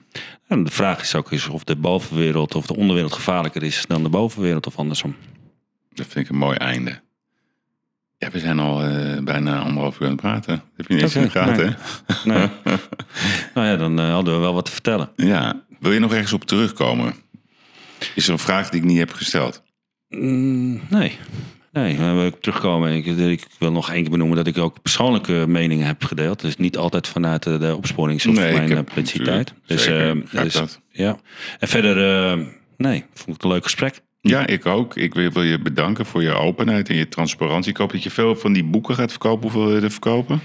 Nou, hij loopt al een tijdje en er zijn er al meer dan 40.000 van verkocht. Oh, dat is heel goed. Dat kan ik jou zeggen. Ik heb ervaring in, dus in eh, deze. dus ik, ben daar, eh, ik ben nu bezig met een nieuwe reeks voor eh, Bruna. En dat 40.000 wordt dan, eh, is, eh, is een mooi getal. Ja, Mooi. ja. Hey, en je hebt ook nog een bedrijf, en dat ben ik nog helemaal vergeten te benoemen. En dat, dat doet aan eh, security en Nee, we hebben, we hebben private investigations, dus eh privé detectives. Ja, Eh, een privédetectives. particulier onderzoeksbureau. En wij werken voor, voor bedrijven en voor families en voor bekende Nederlanders, voetballers. Als zij een probleem hebben, en daar zijn we dan. eh, ja, altijd handig om jou te kennen. En dan, oh ja, ik vergeet nog de slotvraag. Ja, want E- ik had Erik aan de lijn. Die zei, ja, Ja. Marcel van der Ven, die heeft ooit iets over mij geschreven. Ik, ik heb geen idee, maar de naam rinkelde wel een bel Mhm. bij jou. Maar weet jij nog wat, wat, wat, waar dat betrekking op had? Hij heeft toen dat gezeik gehad met justitie. Ja, nou ja, we gezegd met justitie. Eh, wij zijn ooit ingehuurd in een onderzoek, een Hollands netwerken. En dat, en dat onderzoek, dat heet het onderzoek Madras. Madras. En, eh, en eh, Erik de Vlieger maakt deel uit van, van, van dat onderzoek. Van dat onderzoek. En, da- ja. en daardoor weet ik het. En dat zou ik ongetwijfeld een keer geroepen hebben. Maar Voor de rest weet je niet meer voor de rest precies. ken ik Erik niet. Vind ik een aardige man. Ik weet dat hij net open geworden is. Dus wil ik hem mee Wat feliciteren. goed van jou. Ja. Je bent op de Doe je hoogte. huiswerk, ja. Vierde keer. Gefeliciteerd. Ja. Oké, nee, ik zal het zo aan hem doorgeven. Ik zal de felicitaties aan hem doorgeven. Het Ja. zou vervelend zijn eh, als hij daar een eh, dubbel, of jij misschien daar een dubbel gevoel over zou hebben. Oké, Marcel, ik, uh, ik wens jou een fijne week toe. Vrijdag zijn we er weer met een nieuwe aflevering van de Gigs. Jij bent deze week de uitblinker, ook in de actualiteit. Het mag ook een keer gezegd worden dat politie geweldig uh, werk heeft gedaan in Amsterdam. Is een moeilijk, moeilijk ding. Iedereen zat er natuurlijk naar te kijken, maar je zal maar daar zal op staan. straat staan. Ja. ja. precies. Dat vraagt toch wel om grote moed. Nou, ik zie jou onderdeel van die felicitatie, dus daarom wouden we ook jou graag even naar voren halen. Dankjewel en succes met alles. Dankjewel. Dank. Dankjewel. Dankjewel. Ja, dank voor het luisteren. De uitblinker van deze week, Marcel van der Ven, met het boek De Kooi. Ik ga het lezen, ik had het nog niet gelezen, heel bewust. En vrijdag ben ik er weer met een, uh, met een nieuwe aflevering van de Gigs. Misschien uh, hopelijk wat, wat rustiger, want er gebeurt zoveel uh, in Nederland en in de wereld. Maar we blijven het natuurlijk belichten. En volgende week weer een hele boeiende uitblinker. Ik wens je in ieder geval een mooie, liefdevolle week toe. Dank voor het luisteren.